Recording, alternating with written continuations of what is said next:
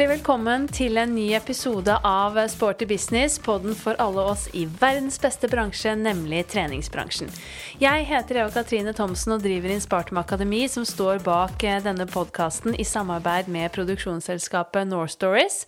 Dette er eh, også en pod som er perfekt for deg som ønsker å lære mer om bransjen, om treningstrender, holde deg oppdatert innen trening og helse, den siste idrettsforskningen, og kanskje også på sikt ønsker å jobbe i denne fantastiske bransjen. For oss som allerede er en del av bransjen, så er det jo flere bra ting som skjer om dagen, selv om vi fortsatt eh, preges av pandemi, dessverre, og mye usikkerhet. Men blant annet så har jo Virke trening med Mie Line Eriksson i spissen lansert SMS, et forum for frittstående små og mellomstore sentre. Dette skal være et forum som skal være leverandøruavhengig, og skal eh, bidra med kompetanse kompetansetilførsel og skal behandle felles problemstillinger for de frittstående treningssentrene. Mie Line Eriksson hun eh, peker på at man ser at det er flere særskilte behov som disse frittstående sentrene har, og at det kan være fint å samle disse behovene og problemstillingene, og at man sammen kan finne gode løsninger og hjelpe hverandre på tvers av ulike sentre, så man ikke føler seg så alene, men at man har et forum der man kan utveksle erfaringer og hjelpe hverandre i bransjen. Og det her syns jeg er et kjempeflott eh, tiltak, og i tillegg så jobber Virke trening med utviklingen av en kompetansepakke som skal både tilbys Virke trening sine medlemmer, men også andre frittstående sentre eller mindre kjeder. Eh, lønnsom treningssentervirksomhet fra A til Å er selve hovedtemaet for denne kompetansepakken. Og den er ment å dekke etterspørselen om kompetanse som selv kommer fra flere aktører i bransjen. Dette her syns jeg også er et utrolig spennende konsept, og det er et nok et steg i riktig retning med tanke på økt profesjonalisering og kompetanseheving i eh, bransjen, så jeg gleder meg veldig til å se hva det endelige produktet blir. Og jeg vet det at eh, Virke trening de ønsker veldig gjerne innspill fra dere i bransjen, og gjerne da dere fra kanskje da frittstående sentre, om hva dere kunne tenke dere at et sånn eh, en sånn kompetansepakke kunne bidratt med. Så jeg vet at hvis du har innspill og ideer ideer, så blir det tatt imot med en stor takk. Men nå over til dagens eh, tema, og det er eh, styrketrening og effekten av styrketrening. Blant annet effekten av eh, styrketrening med individuell trening kontra det å trene styrke i gruppetrening. Jeg har gleden av å ha med meg Anne Mette Rustaden, Førsteamanuensis ved Fakultetet for helse- og treningsvitenskap ved Høgskolen Innlandet, avdeling Lillehammer. Hun har nemlig studert effekten av ulike typer styrketrening på overvektige kvinner, og det er nettopp dette temaet som vi skal dypdykke ned i i dag. I tillegg så får du eh, litt eh, innblikk i den seneste forskningen innen styrketrening. Anne Mette hun holdt også foredraget 'Styrketrening er det mulig å løfte seg slank?' under årets NIH eh, Active Convention. Jeg hadde gleden av å få lov til å sitte og høre på det spennende foredraget, og hvis du ikke hadde anledning til å være med på NIH-konvensjonen i år, så har du også nå da gleden av å få med deg hovedpunktene fra også det foredraget i dagens episode. Så her er det masse spennende å hente. Riktig god lytt. Hjertelig velkommen til eh, Sporty business-podkast, Anne Mette. Veldig hyggelig at vi endelig har fått uh, satt oss ned sammen og skal snakke om noe som vi begge er veldig engasjert i, nemlig trening, fysisk aktivitet og ikke minst hvordan vi kan bidra til at enda flere lykkes med fysisk aktivitet og trening og kan finne glede i det. Så jeg gleder meg veldig. Tusen takk. Jeg gleder meg veldig også. Det er hyggelig å høre, og det er jo alltid eh, fint å starte med en liten introduksjon av dagens gjest for de som ikke kjenner deg like godt som jeg gjør. Så kan du ikke fortelle litt om eh, hvem du er, utdanning, bakgrunn? Det kan jeg gjøre. Eh, ja, jeg kan jo begynne med bakgrunn i idrett og aktivitet, da, ettersom det er derfor vi eh, snakker sammen i dag, eh, og temaet for denne podden. Eh, idrett har jo vært en del av livet så lenge jeg kan huske. Eh, og jeg har jo holdt på med en idrett som eh, heter rytmisk gymnastikk. Eh, den gang rytmisk sportsgymnastikk. Eh, så overgangen til eh, treningssenterbransjen, da, den kom egentlig litt sånn rett ifra idrett og rett over til mye av de samme elementene. Mm. I, i, på slutten av videregående så begynte jeg å konkurrere litt i en idrettsgren som heter sportsaerobikk. Og da var overgangen til gruppetrening og aerobic i sal ganske kort. Så studerte jeg på idrettshøyskolen eh, i noen år etter videregående. Eh, den gang så het det grunnfag idrett og mellomfag i idrettsbiologi. Og så fant jeg ut at jeg skulle bli fysioterapeut. Da flytta jeg til eh, Stockholm og studerte det der. Før jeg da dro hjem til Norge og tok en mastergrad i uh, idrettsfysioterapi. Mm. Også på Norges idrettshøgskole. Og så tok jeg en doktorgrad på Norges idrettshøgskole. Ja. Og ved siden av hele veien, egentlig, da, fra min egen idrettskarriere og så langt som i dag, faktisk, så har jo da treningsbransjen vært eh, en viktig del av de deltidsjobbene jeg har hatt. Altså mens jeg har studert, så har jeg jobba på treningssenter, både som gruppetreningsinstruktør, treningsveileder, som det het så fint den gang, og personlig trener. Og så har jeg jo vært med i treningsbransjen aktivt de siste ja, Det har vel begynt å bli 15-20 åra med å utdanne gruppetreningsinstruktører og personlige trenere. Mm. Så de siste åra så har jeg ikke eh, hatt så mange kunder selv, eh, men jeg har mer utdanna folk til bransjen. Mm. Eh, fortrinnsvis fra da NIH Aktiv. Eh, og nå i det siste som jeg jobber på Høgskolen på Innlandet, så har jeg da vært med litt i Active Education. Ja imponerende karriere og utdanning, vil jeg si. Men kan du ikke fortelle litt om den jobben du gjør i dag? Vi sitter jo nå på Høgskolen på Lillehammer på et uh, fresht uh, møterom. Uh, ja. Jeg har jo gleden av å undervist her denne høsten, så det er jo veldig gøy. Men kan du ikke fortelle litt om din jobb her på høyskolen? Ja. ja. som du sier så er vi på Lillehammer, så det er jo her det skjer. Eh, for øyeblikket i hvert fall. Etter at jeg var ferdig med doktorgraden, så eh, vendte vi nesa litt nærmere hjem. Eller jeg flytta faktisk før jeg var ferdig, men eh, etter doktorgraden så begynte jeg å jobbe her, da. Så jeg bor og lever på Lillehammer med mann og tre barn, og jobber da på Høgskolen i Innlandet, som vi heter. Fakultet for helse- og sosialvitenskap. Og vi er da seksjon for eh, helse- og treningsfysiologi, hvor jeg da jobber som førsteamanuensis. Ja. Så hverdagen består av uh, forskning. Sånn, det er ikke helt 50-50, men omtrent 50-50 forskning og undervisning, forelesning, med studentene våre. Ja. Så, så, veldig variert arbeidsdag. Eh, det er ikke sånn direkte relatert til treningssenterbransjen, eh, kanskje, men vi har jo både gruppetreningskurs, som er en del av bachelorgraden vår, som jeg eh, har. Og så har vi en variant av PT-utdannelsen også i bachelorløpet. Mm. Så jeg har veldig varierte arbeidsdager fra å skrive søknader eh, og slåss om penger, til å drive forskningsprosjekter, til å ha kreative prosesser hvor vi utarbeider eh, forskningsprotokoller, eh, til å gjennomføre forskningsprosjekter. Det er jo det morsomste når man virkelig begynner med datainnsamlingen. Opplæring av studenter og inkludering av forsøkspersoner osv. osv. Og så er det å skrive statistikk og publisere og alt som hører til, og ikke minst da, ha vanlig forelesning og undervisning og veiledning for studentene våre. Mm, ikke sant? Er det noe du liksom kan trekke frem som du syns liksom, det er det aller beste med jobben? Å, jeg er jo så glad i kontraster. Eh, uten kontraster så hadde jo livet vært veldig kjedelig. Ja. så jeg tror kanskje altså det beste er variasjonen. Eh, selv om det er et veldig sånn kjedelig svar, så, så er jo det å, å, ha variasjon og fleksibilitet i hverdagen, eller muligheten til å skape litt min egen hverdag, arbeidshverdag, det er nok eh, noe av det aller beste. At man ikke går på jobb og snur bunken eh, hver dag. Eh, og så er det klart at eh, vi er et veldig sterkt og godt fagmiljø. Så det sosiale og de folka man jobber sammen med, er jo også noe av det aller, aller beste med den jobben. At vi er en sterk forskningsgruppe da, som jobber mot de samme målene. Mm. og har en sånn felles visjon, det er også veldig motiverende.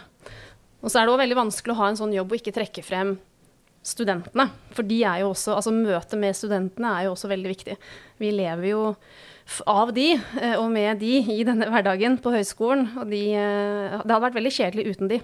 Mm, helt klart.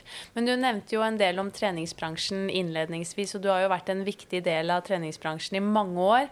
Ikke like sånn aktiv på gulvet nå, som du nevnte, men hva vil du si er det aller beste med treningsbransjen, og hva er ditt forhold til bransjen i dag?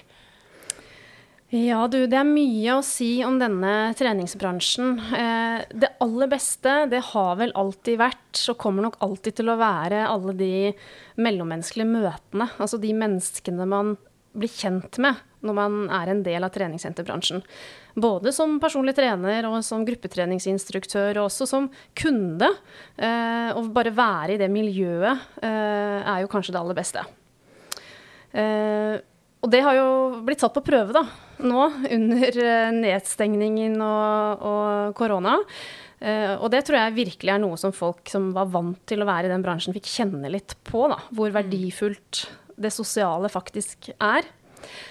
Uh, og så er det jo en arena hvor uh, man møter i hvert fall sånne som oss. da, altså Man møter mange likesinnede.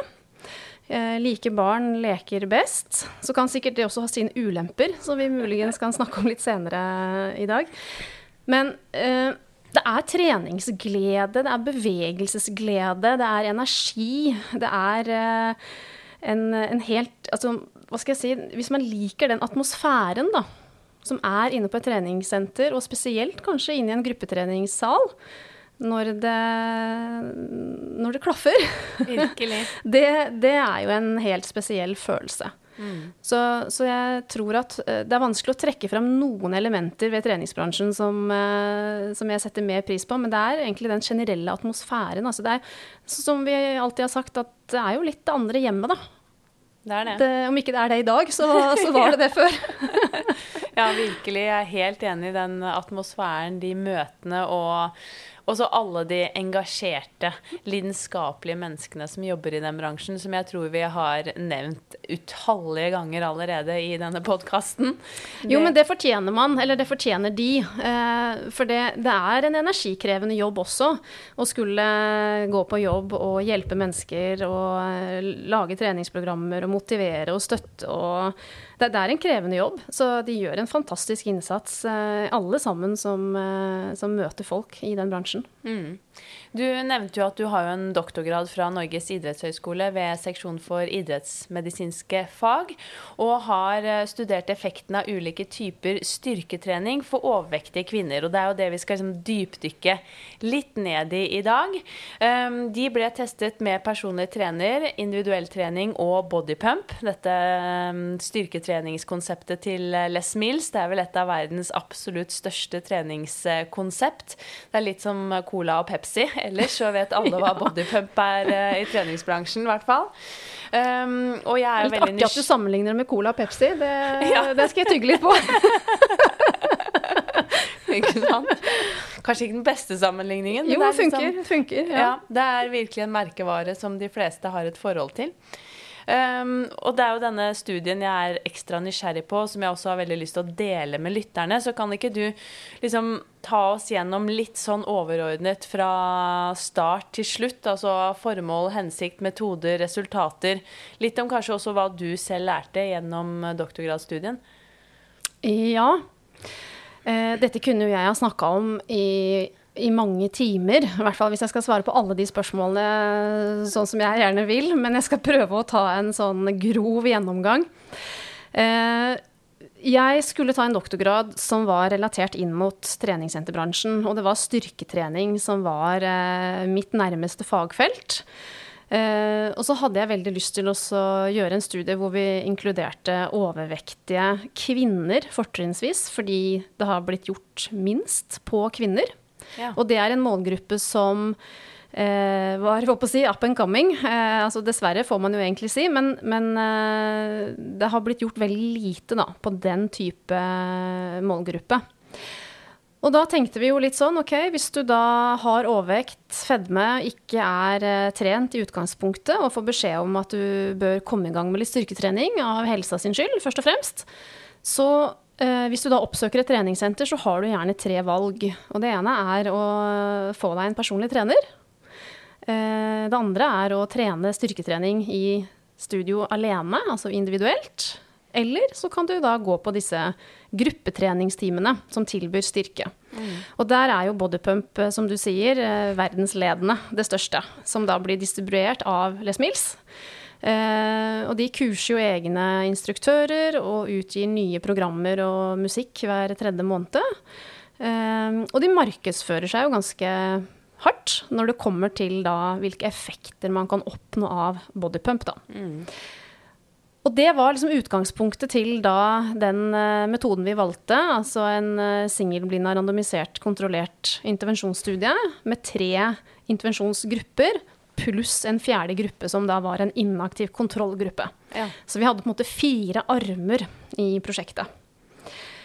Så etter at vi da beregna hvor mange vi trengte, altså gjorde styrkeberegninger, så inkluderte vi 143 inaktive overvektige kvinner mm. med BMI over 25. Eh, og så randomiserte vi de tilfeldig da til én av disse fire gruppene.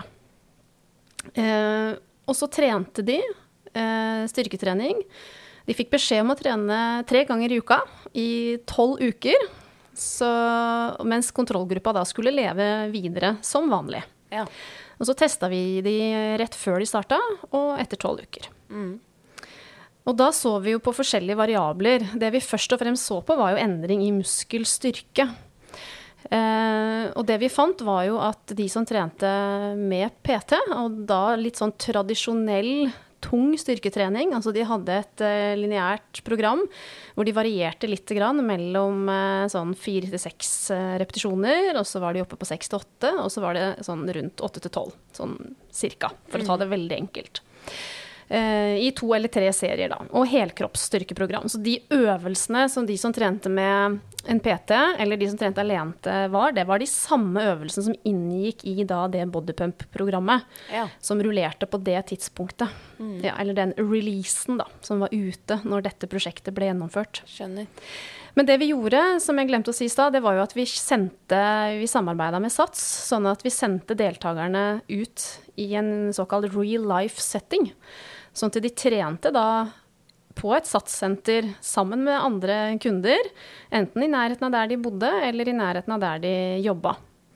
Uh, mens de som med, eller, trente med PT, eller individuelt, de trente da oppe på styrkerommet på uh, Norges idrettshøgskole. Ja. Så det var de som gikk på gruppetime eller på bodypump, ja. som var på SATS? Ja. De var på SATS, mm. det var de. Og i styrke så så vi jo at de som trente med personlig trener, fikk størst fremgang. Det var jo signifikant forbedra muskelstyrke i både da overkroppsøvelsen, som var benkpress, og i underkropp, som var knebøy. Ja. Eh, og det var eh, signifikant i knebøy mot alle de andre tre gruppene. Og i benkpress så var det også signifikant mot kontroll og bodypump, men ikke mot de som trente samme programmet individuelt. Nei, skjønner. Eh, når vi så på liksom effekten av da bodypump, så hadde de ingen fremgang etter tolv uker. Og da målte vi både maksimal muskelstyrke i benkpress og knebøy, altså det de maksimalt klarte å løfte én gang i de to øvelsene, og vi målte utholdende muskulær styrke. Ja. Det var da definert som 70% av det maksimale. Mm. Eh, så det var ingen fremgang på verken eh, benkpress eller knebøy hos bodypump-gruppa. Så det Spennende. var jo litt uh, trist, uh, ja. men det er også et funn. Absolutt. du, kommer jo... kanskje, du kommer kanskje inn på det, men jeg tenker at bodypump er jo Kall det i gåseøyne det vi kaller muskulærutholdende styrketrening, hvor de selvfølgelig eh, løfter ganske lette vekter og gjør veldig mange repetisjoner. Så det er jo også en helt annen form for styrketrening enn hva de som trente med PT gjorde, da. Ja, det var jo det. Og, og eh, altså bodypump baserer seg jo på det de kaller for the rep-effekt.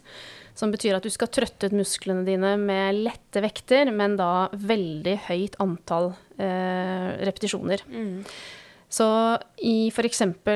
knebøy så tror jeg de gjorde sånn 88 repetisjoner eller noe sånt i det programmet. Og i benkpress så var det vel også noen og 80. Mm.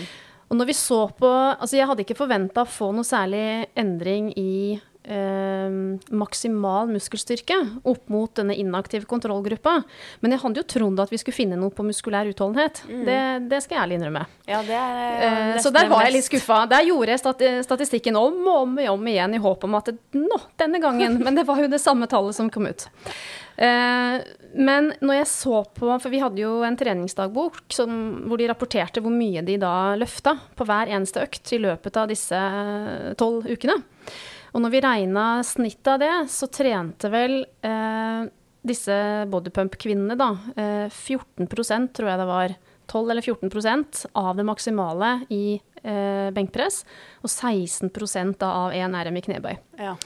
Så det vil si at de ligger jo veldig, veldig lavt. Eh, men når vi da ser på de som jobba eller trente med en PT, så lå jo de innenfor den rangen som er anbefalt for styrketrening. Altså de lå over 60, mellom 65 og 70% av 1 RM i begge de to øvelsene.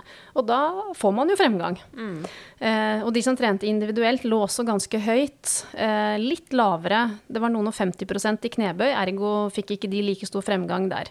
Ja. Så det er jo en sammenheng, da, uansett hvordan vi vrir og vender på det, på intensitet på treninga og det resultatet du får over tid. Virkelig. Så, men nå var jo disse kvinnene som trente bodypump, liksom blanda og miksa blant vanlige medlemmer. Så, så eh, det var jo en veldig sånn real life setting, da. Eh, og det var jo bra, men samtidig så var jo dette sammenligningsgrunnlaget da mot PT-gruppa kanskje dårligere. Men når jeg nå sier at ikke vi fant noen effekt, så er det altså da opp mot den inaktive kontrollgruppa. Altså de som ikke gjorde noen ting. Og der burde man jo kanskje ha forhåpentligvis funnet noe, da. Ja. Og så målte vi jo da kroppssammensetning eh, med inbody. Der skulle vi gjerne hatt DEXA, men den hadde ikke kommet på NIH.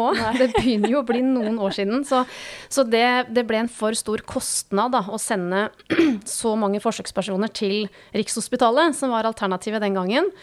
Men eh, inbody var et godt eh, alternativ nummer to. Eh, men der var det ingen effekt på noen variabler på noen av gruppene. Eh, så det var ingen endring i eh, muskelmasse eller fettfri masse, og det var heller ingen endring i fettmasse eller fettprosent. Da. Eh, så det er klart at eh, den markedsføringen som Dales Mills kjører, som er ganske på get fit, get toned, Get lean. Uh, get lean and fast, eller liksom total body transformation. Altså, det er vel på en måte ikke helt i tråd med hva vi fant i denne studien, men det er klart, vi har også våre svakheter i vår eh, studie. Og en ting som jeg må trekke frem, var jo at vi hadde et høyt frafall. Ja. Eh, og da, da vil jo på en måte styrken i studien eh, bli redusert. Og hvorfor vi hadde det høye frafallet, det kan man også diskutere. Det er også et godt funn, eh, eller, eh, eller eh, funn som vi kan på en måte granske litt nærmere. De rapporterer jo ikke årsak til hvorfor de faller av. Nei. men de få som sa hvorfor, så var det jo tidsaspektet som var det vanligste. Og en god nummer to var jo at de følte at dette var ikke noe for meg. Denne treningsformen passa ikke meg. Nei. Eh, men det har jeg jo ikke noe statistikk, eller det er jo ikke noe forskningsresultater. Det er jo bare mer noe de ringte og sa, eller eh, sendte per mail, da. Men så målte vi jo i en annen studie, så så vi jo på om det var noen endringer i muskel- og skjelettsmerter, som de rapporterte med et spørreskjema. Der så vi ingen endringer eh, underveis, og således så er jo alle disse treningsformene trygge, kan det virke som, for overvektige og tidligere inaktive kvinner. Og så målte vi endringer i hvilemetabolisme eh, Ja. i løpet av eh, denne perioden i en subgruppe av deltakerne. Ca. ti forsøkspersoner i fra bodypump-gruppa og ti fra PT-gruppa. Og det er et ganske lite antall, så de, de resultatene må man alltid ta med en klype salt, men den indikerer i hvert fall kanskje noe, da. Og da så vi jo at det var en signifikant endring i begge de gruppene. Så det kan se ut som at hvilemetabolismen i hvert fall endrer seg noe, og da har man jo gjort noe riktig i forhold til endring i muskelmasse, kanskje. Mm. Spennende. Og så målte vi i den siste, si fjerde artikkelen, da, som inngikk i eh, doktorgradsarbeidet mitt, energiforbruket i løpet av en enkelt singel bodypump-økt. og sammenligna det med da energiforbruket i løpet av en PT-økt. En tradisjonell styrketreningsøkt. Og det var også det samme subutvalget med ti fra hver gruppe. Fordi eh, Les Mills har jo markedsført eh, De har nok tona det litt ned nå i de siste åra. Eh, vi må huske at når vi begynte å designe denne studien, så er det ti år tilbake i tid. Eh, men da markedsførte de at du kunne forbrenne opptil 540 kilokalorier per økt. Ja. Eh, ja, og det, det, er fullt mulig, det sikkert. Hvis du er en stor, sterk kar som er veltrent og som lesser på med, med vekter. Eh, men det er tall som de baserer på da bare noen eh, egne undersøkelser hvor de har eh, bedt noen trene med pulsklokke. Mm. Eh, og det har blitt gjort litt forskning på dette tidligere. Jeg tror det var to studier som hadde sett på det før vi gjorde det samme. Eh, og både de og vi finner jo at det ligger rett i underkant av ca. 300, altså 280. Mellom 280 kilokalorier og 300 kilokalorier kan man forvente hvis man er en sånn normalsize person, å forbrenne i løpet av en eh, bodypump-økt. Ja, ikke sant. Ja, nei, for det var mitt neste spørsmål også. Hvor mye vet vi egentlig om dette? Fins det mange andre forskningsstudier som har sett på liksom effekten av det å trene med PT kontra gruppetrening? Nei, det fins ikke så mye som har sett på akkurat den sammenligningen, altså PT versus gruppe. Men det er jo noen som har sett på PT versus alene, altså ja. individuell trening, da. Og der, eh, det, er, det fins ikke mye, men, og de definerer eller bruker ikke gjerne begrepet personal trainer eller PT, sånn som vi gjør, men det er jo mer sånn supervised, non-supervised. Det har blitt gjort en del på det i, i mer sånn fysioterapirelasjon, hvor du liksom trener med terapeuten din versus uten terapeut. da. Ja. Eh, så veileda versus eh, ikke-veileda, der er det gjort en del. Og hvis man skal liksom bare summere det ganske enkelt, så gir det jo en effekt å ha noen med deg. Mm. Eh, og når man ser på hvorfor det har noen effekt, så er det jo to ting. Det ene er at du kommer deg på trening når du har en eh, avtale med noen. Eh, sånn at det vi kaller for adherence, da, eller gjennomføringen, er høyere. og så er det det at du gjerne har høyere intensitet under selve økta. Ja. Uh, og det er jo ganske logisk, for hvis du har en PT f.eks., så kan du kanskje løfte høyere. Du har en som står og motiverer deg.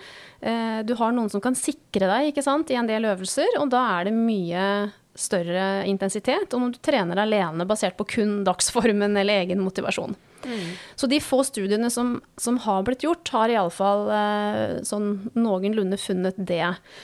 Men det å trene i gruppe i forhold til PT, det er, ikke, det er det ikke mange som har sett på. Nei. Det er liksom frisktrening versus frisktrening. Ja. Uh, og det er ikke der penga ligger i forskning, for å si det sånn.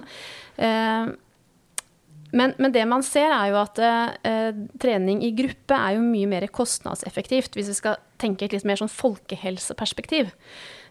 du får med flere, og du har jo en litt annen sånn motivasjonsfaktor da, med. Fordi du har et sosialt samspill med flere mennesker. Men eh, vi er forskjellige. Noen liker det ene, noen liker det andre. Og jeg tenker at eh, begge deler er like bra, så lenge man finner noe som, eh, som passer seg selv, da. Mm. Um, men jeg tenkte jeg skulle bare si også, fordi vi, vi undersøkte jo også energiforbruket under en PT-økt. En tradisjonell PT-økt. Og det var jo ingen signifikante forskjeller mellom bodypump og det å trene med en PT. Så sånn eh, energiforbrukmessig i hvert fall, så kommer man ut eh, forholdsvis likt, da. Ja. Eh, til tross for at den som da trente tradisjonell mm, styrketrening, hvilte jo, ikke sant? for da kjører du en serie med repetisjoner, og så pauser du x antall sekunder eller minutter, og så repeterer man igjen. Og da har man faktisk eh, nesten to tredjedeler av økta i pause Altså da pauser man i to tredjedeler av økta. Til forskjell fra bodypump, der hvor du jobber mer eller mindre kontinuerlig. Da har man jo kun en liten pause i mellom musikksnuttene. Så, så, det er jo igjen en uh, forskjell da kanskje på gruppe versus uh, mer sånn PT-relatert. At du uh, he Hele oppbygningen eller strukturen av økta er jo veldig forskjellig. Men fordi du kanskje har høyere intensitet når du trener én til én, for du har liksom hele tiden individuelle tilpasninger. Du har hele tiden en person som sikrer din progresjon innad i økta. så kan det faktisk da kompensere det at du i en gruppetrening er i aktivitet kanskje litt mer eh, kontinuerlig. Ja, intensit men intensiteten da kanskje er lavere. Mm. Men dette kommer veldig an på hvor flink man er sjøl. Til å ta i og ta, ta seg ut. Og, og, for det handler jo på en måte om det, det metabolske stresset Mm. som vi klarer å påføre musklene når vi ser i en, en styrketreningssammenheng. Helt klart, Det er jo veldig spennende. Og du har jo sett spesielt på da, liksom dette med styrketrening eh, i gruppetrening, og da sammenlignet med trening med PT og individuelt. Men jeg tenker sånn, som du nevnte, da, gruppetrening er jo en fantastisk treningsform også med tanke på at det er både tids- og kostnadseffektivt i et folkehelseperspektiv. Og mange finner jo glede i bare det å være sammen med andre, det sosiale, liksom den magien som skjer i en sal. Men sånn ut fra den forskningen som du selv har gjort, det du kjenner til, hva vil du si som er de store fordelene, eventuelt ulempene, med styrketrening i gruppe? Ja, altså det er flere fordeler enn ulemper. Selv om ikke vi fant noen sånne revolusjonerende funn. Det er godt å høre.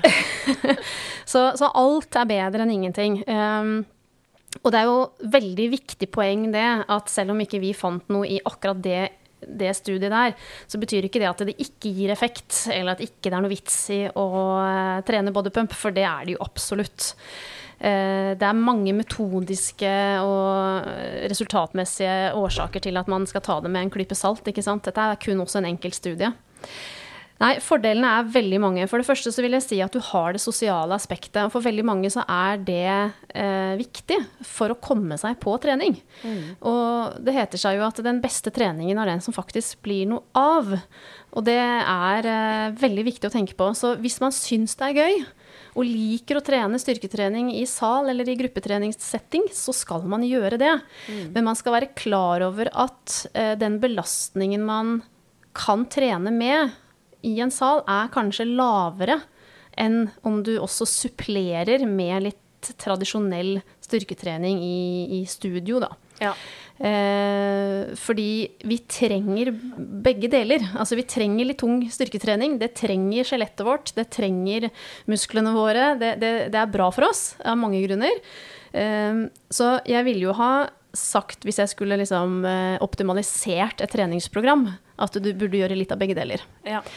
Eh, Men det sosiale er viktig, og eh, det å få motivasjon fra instruktøren, få motivasjon fra hverandre, kjenne på denne atmosfæren som vi, vi snakker om i en gruppetreningssetting, den er jo veldig fin. Også den tilhørigheten man kan få i en, i en gruppesetting, da. Den skal man ikke kimse av i det hele tatt. Og så er det klart at eh, hvis alternativet er å trene helt alene, uten PT, så vil du jo kanskje få bedre veiledning på teknikk, eller du vil få tilbakemeldinger eh, hvis du gjør noe feil, også i en gruppetreningssetting.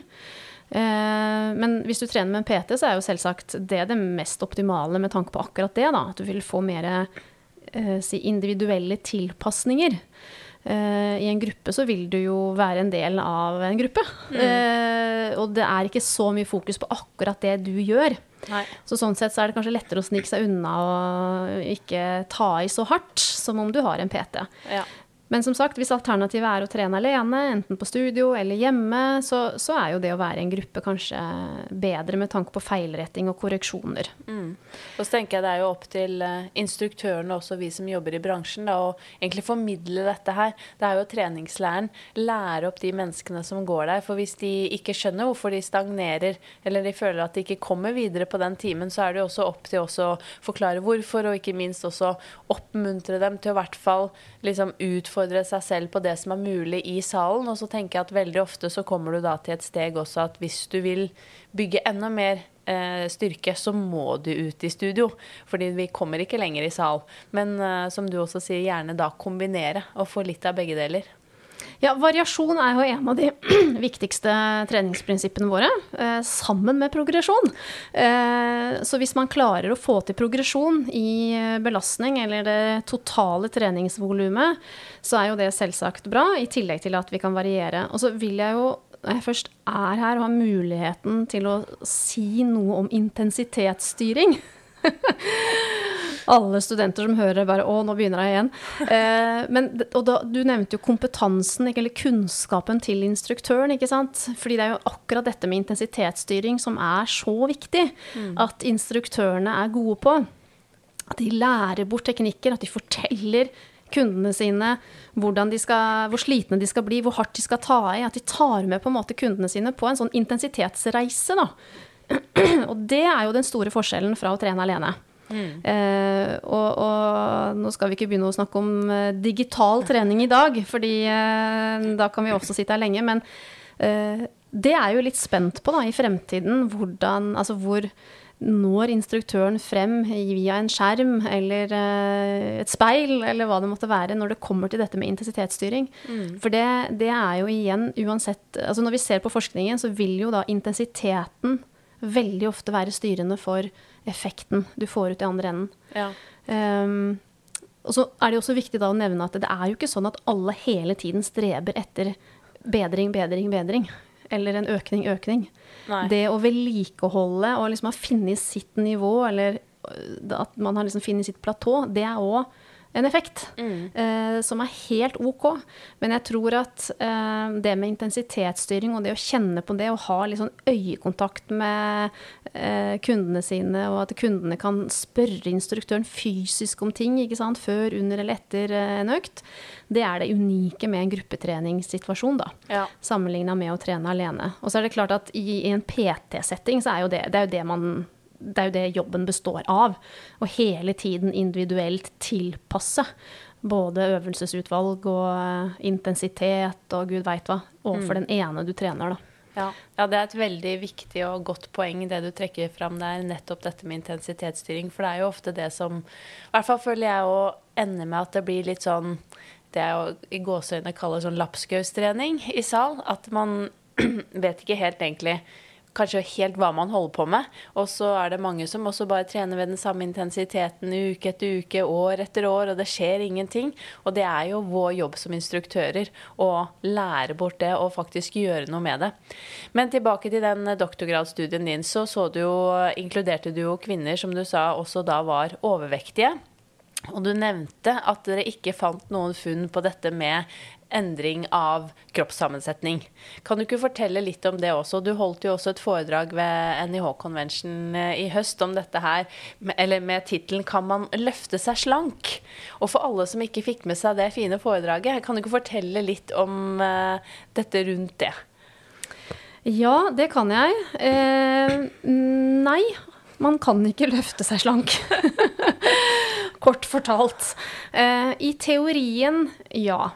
Eh, selvsagt. Fordi eh, opp og ned i vekt styres jo av energibalansen. Altså det du tar inn versus det du forbruker. Og det er klart at hvis man øker energiforbruket eh, betraktelig, eh, bl.a. ved å trene styrketrening, eh, og enten holder et stabilt inntak eller også reduserer, så vil det jo gå ned i vekt. Mm. I hvert fall noe en liten stund.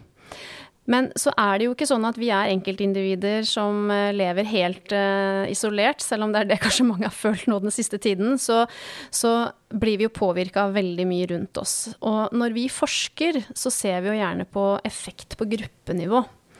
Eh, hvis ikke man da gjør en case study av en person. Men hvis vi skal kunne lage prosjekter som skal være mulig å generalisere ute i befolkningen, så må vi inkludere mange mennesker, og da får vi veldig mange faktorer med i bildet. For vi blir påvirka av det miljøet vi lever i. Vi har de genene vi har. Eh, veldig mange finner jo også at ved å øke treningsfrekvens eller treningsmengde, så øker man også eh, energiinntaket fordi det stimulerer jo appetitt. Så da kompenseres litt den effekten av at man har forbrukt mer energi. Eh, så i forskning, eh, når man ser på effekten av styrketrening på vekt, så finner man veldig lite eh, vektreduksjon. Ja. Men det man ser, er at når man implementerer styrketrening som et supplement hos mennesker som skal ned i vekt ved å følge en energirestriksjon eller en diett, de beholder i større grad muskelmassen sin ja. enn de som da bare går på energirestriksjoner. Mm. Og hvis vi skal tenke litt langsiktig, da, eh, og, forskningsprosjekter også, de er jo gjerne definerte innenfor eh, tre måneder eller seks måneder, og er du veldig heldig, så har du tid til å holde på et år. Eh, så hvis vi skal tenke enda lenger enn det, så er det klart at det å beholde muskelmassen sin, som jo er et metabolsk vev, som er viktig også for å ha en høy forbrenning ellers i døgnet, da, eh, så, så vil det påvirke på sikt. Så eh, styrketrening er anbefalt som en del av eh, en livsstilsendring, vil jeg si, da, for individer med eh, fedme. Men det er ikke fordi man går ned i vekt av det. altså Kanskje nesten tvert imot. Du, muskler veier jo mer enn fett, sånn at du således kanskje nesten går opp i vekta. Mm. Men vi bedrer kroppssammensetningen. Altså du får en sunnere kroppssammensetning som er da mer muskler og kanskje mindre fett. Mm. Um, og så er det viktig også å få frem at um, selv om man ikke går ned i vekt, så får man en kjempeeffekt på en rekke helsevariabler. Så man må egentlig slutte å snakke om eh, vekt, og heller eh, fremsnakke alle de andre helsegevinstene man kan oppnå av å trene styrketrening. Mm. Det er godt for hjerte-kar-problematikk, blodtrykk, blodlipider, eh, triglycerider, glukoseregulering, you name it. Det er kjempebra for skjelettet vårt. Det er bra for en rekke muskel- og skjelettlidelser, som jo er den største kostnaden i Norge i dag. Eh, for vi tåler mer, og vi klarer ved å trene styrketrening, hvis vi, hvis vi er litt tunge i utgangspunktet, og kanskje ha et høyere aktivitetsnivå ellers i døgnet, fordi vi da ikke får så mye plager i rundt knær, hofte, rygg osv. Mm. Og så er det den eh, ekstra boosten da, som eh, går på det mentale. Eh, forskning er entydig omtrent på at det har god og positiv effekt på mental helse. Og den effekten den kommer jo med én gang. Altså alle de hormonene og endorfinene som sprutes ut, de kan du liksom nyte av den dagen. Så det er ingen grunn til ikke å trene styrketrening. Uansett om du er mann eller kvinne, ung eller gammel, uh, lett eller tung. tren styrketrening. Mm. Og anbefalingene for de med fedme er omtrent akkurat de samme for folk flest. Ja. Og det er jo da å prioritere store muskelgrupper to til tre ganger i uka.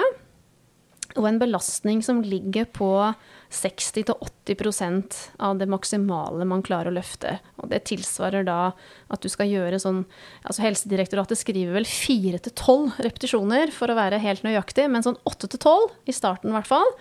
Eh, I to eller tre serier. Ja. Og at man da løfter det man orker. Hvis du orker tre repetisjoner til, ja, da gjør du de tre siste også. Og så vet du til neste gang at dette ble litt for lett, jeg må legge på litt mer belastning. Mm. Men hva tror du er grunnen til at dere ikke fant noen uh, signifikant endring i kroppssammensetning hos de kvinnene som du hadde med i ditt studie når det gjaldt dette her? Det ene er jo at det var for mange som ikke trente nok. Ja. Eh, at det, enten at de falt av, eller at de bare trente to ganger i uka kanskje, i stedet for tre. Mm. Og så trente de med for lav intensitet. Altså Instruktørene i de tilfellene her var ikke flinke nok til å motivere eller til å pushe sånn at folk hadde på nok eh, belastning, sånn at de fikk eh, tilstrekkelig effekt. Ikke sant? Mm. Um, og så er det det tredje aspektet er jo at studien gikk over bare tolv uker. Og det kan være litt for kort tid da, til å fange opp en reell endring. Selv om det er vanlig, et, et vanlig tidsaspekt i løpet av en sånn type intervensjonsstudie. Mm. Når det gjelder dette med vekt, som du sier, eh, vi bør helst slutte å snakke om vekt, og jeg kunne ikke vært mer enig, men det er jo veldig ofte dessverre fortsatt det som er i fokus, også når eh, det reklameres for nye fantastiske treningskonsept eller treningsformer, og veldig mye både i sosiale medier, andre medier, preges jo av at det kommer sånne quick fix-løsninger, og stadig så serveres vi liksom den beste treningen, og treningsbransjen er jo også preget av eh, trender. Og hva tenker du om de liksom lovnadene som kanskje vi ofte gir, da, knyttet til ulike treningsøkter eller uh, treningskonsept, og hvordan påvirker det, sånn som nettopp disse kvinnene, da, uh, som er en stor målgruppe som vi ønsker å få i aktivitet, eller andre? Ja, uh, ja hva tenker jeg om det? Jeg tenker vi, vi må snart lære, tenker jeg. Jeg tenker at uh, vi har vært der, og vi har blitt bedre, og så må vi passe på at ikke vi kommer tilbake dit. Uh, for det er ikke så mange år siden det var helt vanlig, og det forekommer sikkert fortsatt, at det er mage, rumpe, lår og fettburneren og fettbrenneren og Altså det er begreper på timene eller på konseptene som er veldig sånn eh, ned i vekt eller utseendefokusert. Mm. Men det har blitt heldigvis veldig mye bedre. Bransjen har virkelig rydda opp og gjort mye bra. Sånn at de har fokus på funksjon eh, og treningsglede og det litt andre, mer si, indre motivasjonsfaktorer, da. Eh, og det må vi fortsette å jobbe med. Vi kan fortsatt bli bedre, eh, vil jeg tro på det. Um, og jeg tror for å på en måte eh, snu det litt, så trenger vi jo mer kunnskap. Vi trenger mer forskning på hva er det som eh, stimulerer folk til å ville trene. Hva er det som gjør at noen faller av fra trening? Eh, det lille som fins på forskning på det der i en sånn eh, gruppetreningssetting, det er jo bl.a. at hvis navnene på konseptene er veldig, har fokus på dette med ytre motivasjonsfaktorer som utseende og kropp og sånn, så tiltrekker man seg den målgruppa som liker bare det. Mm. Eh, og det er klart at for meg da, som har forska på de med overvekt og fedme, som ikke er trent i utgangspunktet, de klarer ikke helt å identifisere seg med dette her. Og så er det også noe forskning som viser at hvis det er speil for eksempel, i salen, så det, kan det være negativt for selvbilde og selvfølelse så vet jo du og jeg at eh, speilet er der for noe helt annet. Ja. Uh, men vi må formidle det. Uh, og vi må, vi må, få frem verdien av å ha det, og så må vi liksom la folk være folk. Mm. Uh, og jeg tror det er viktig at alle tenker seg litt om i forhold til hva, hva har vi på oss, hvordan kler vi oss, hvordan ter vi oss. Eh, hvem ser vi mest? Hvem eh, rekker vi ut en hånd til da, i den bransjen, sånn at vi får med oss alle? For vi tiltrekkes nok egentlig mest av sånne som er like oss selv. Mm. Eh, så skal vi på en måte nå frem til de som trenger det mest, så, så må vi nok snu om litt. Og det gjelder jo ikke bare på senteret, men det er sosiale medier, og det er i alle kanaler eh, rundt om. Og så tror jeg hvis man skal tenke sånn treningssenterbransje, altså hvis man kan liksom snakke til uh, de som lager konseptene, og de som bestemmer hva som skal være på timeplanen, så er det å tenke lavterskel, lavterskel, lavterskel. Um, og da må det være lavterskel som er lavterskel for den målgruppa, ikke for oss. Det må mm. være nok lavterskel. Eh, fordi eh, veldig mye av det vi serverer, er veldig fancy. Mm. Eh, og ofte så blir fordi i, i hvert fall i gruppetreningssammenheng så, så, så handler det også litt om show. Litt om å være den som på en måte gjør det mest spektakulære eh, for å være den mest populære. Og det forstår jeg, men det skremmer da denne målgruppa her mm. i litt større grad. Ikke alle, så klart, men sånn gjengs over, da. Mm. Så jeg tror vi må legge oss på et litt mer folkelig nivå hvis vi ønsker å rekke ut en hånd til de som egentlig ikke liker å trene. Eh, de som ikke liker sin egen kropp, eller de som eh, ikke syns det er gøy, rett og slett. Mm. Altså, de har liksom ikke knekt den koden ennå, for de, de, de fins, de òg, skjønner du. ja, ja, virkelig. Jeg har møtt flere av dem, og for oss som elsker å være i aktivitet og holde på, så klarer man jo ikke helt å egentlig sette seg inn i den følelsen av at alt som handler om det å bli litt sliten eller å bruke kroppen, faktisk ikke er noe gøy. Og det er jo en stor utfordring for de fleste av oss som jobber i bransjen. Vi syns jo alt er gøy. Og da er det ikke like lett å klare å identifisere seg med de som sliter og få til nok bevegelse i hverdagen. Så det er jo en stor utfordring. Og dette her er jo en eh, problemstilling vi alle snakker om og ønsker å prøve å liksom knekke koden for å få flere inn på sentrene eller flere i aktivitet. Og jeg tenker sånn som dette med lavterskeltilbud. Jeg har jo sett at flere har lykkes til og med med liksom Det kom løpetimer på sentrene på Møller, men så var det noen sentre som lanserte gåtimer. Og det ble jo kjempepopulært. Samtidig så tenker jeg Kanskje noen ikke tør å gå på noe som er frontet som veldig lavterskel, for at man da føler at ja, men jeg er ikke like god som de andre på senteret, eller jeg kan ikke gå på de mer avanserte timene. Hva tror, tenker du om det? Jo, det kan, det kan, nok være at noen tenker sånt. Eh, men det som, jeg, det som, igjen og igjen kommer frem, det er at folk liker å identifisere seg med de andre som er på samme gruppetime eller eh, på samme tidspunkt. Så jeg tror det er litt viktig å eh, lage navn på timene eller konseptene som på en måte da tiltrekker seg litt samme type mennesker. Som er på litt samme fase eller stadie i livet. Om det er seniorer eller om det er noe annet. ikke sant? For det, da, da, finner du litt sånn dine folk. Mm. Og det er mye motivasjon i det. Eh, og så tror jeg at timene og konseptene bør eh, ha fokus på funksjonen som man ønsker å stimulere, og på bevegelsesglede og eh, energien, overskuddet du får av denne treningen. Eh, for hvis det blir fokus på alt det andre, og det blir så mye sånn krav forhold, eller forventninger da, i forhold til hva du skal oppnå av en trening, så, så trekker i hvert fall den målgruppa som trenger det mest, seg kanskje lengst vekk. Mm. Ingen som liker å få, måte, få tredd noe krav nedover hodet eller eh, få så mye forventninger. Og i hvert fall hvis det er mennesker som har liksom prøvd å gå ned i vekt i mange omganger, og som har strevd med dette lange, hele livet, så føler de litt at uh, de har prøvd alt. Det, det fins ingenting. Altså, nok en gang skal jeg gå på et mislykka forsøk. Altså, de har på en måte brutt ned litt selvtilliten på det.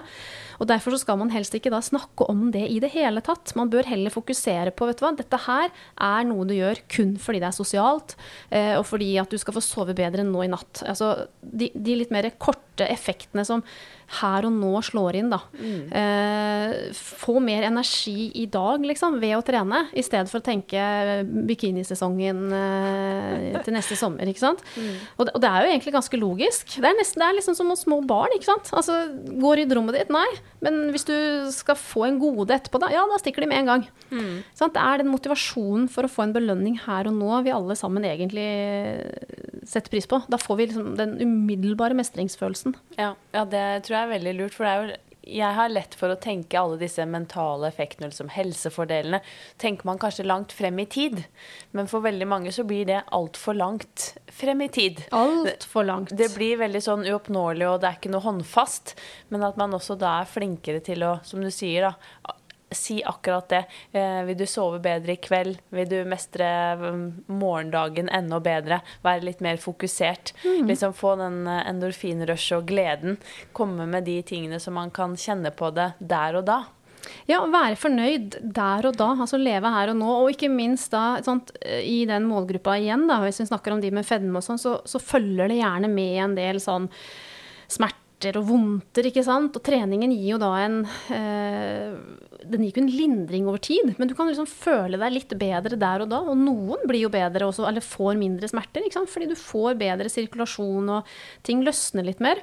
Så jeg tror det er viktig å fokusere på de effektene, og ikke hele tiden dette her uh, utseendefokuset som uh, det er fortsatt litt for mye av, så klart. Um, og så er det uh, mulig jeg begynner å bli såpass oppi åra at jeg begynner å liksom tenke litt sånn voks, altså Motivasjonen for trening, eller eh, motivene for å, å, trene, endrer seg jo gjennom livet. Mm. Eh, og det er klart at hvis de som lager disse konseptene er eh, i 20-åra, så er det ikke sikkert det treffer alle alderskategorier. Og eh, og, men, altså det, det, kan de gjøre, altså for all del. Eh, utrolig mange som er flinke selv om de bare er 20. Men jeg tror det er liksom viktig at eh, man implementerer kunnskap fra de ulike målgruppene. Ja. Eh, sånn at det blir litt mer sånn virkelighetsnært da, for de det gjelder. For vi, vi har, det er ulike faser. Det er ikke så lett i 20-åra å skjønne hvordan det er å være i 50, 60, 70. ikke sant? Så vi, vi har ulike perspektiver på ting. Ja. Um, og så er det viktig at ledelsen i treningsbransjen er med på å forstå faget. Eh, hvorfor vi skal eh, kalle en gruppetreningstime det vi skal kalle den. Altså hva på en måte konseptene går ut på, hvorfor vi skal selge det faget vi skal selge. Eh, sånn at ikke de bare tenker sånn kortsiktig eh, få inn masse folk fordi det var et kult navn, altså en trend, som du sier, og så er det ute igjen. Hvis vi skal liksom bygge tillit over tid, så må vi skynde oss litt mer langsomt. Mm.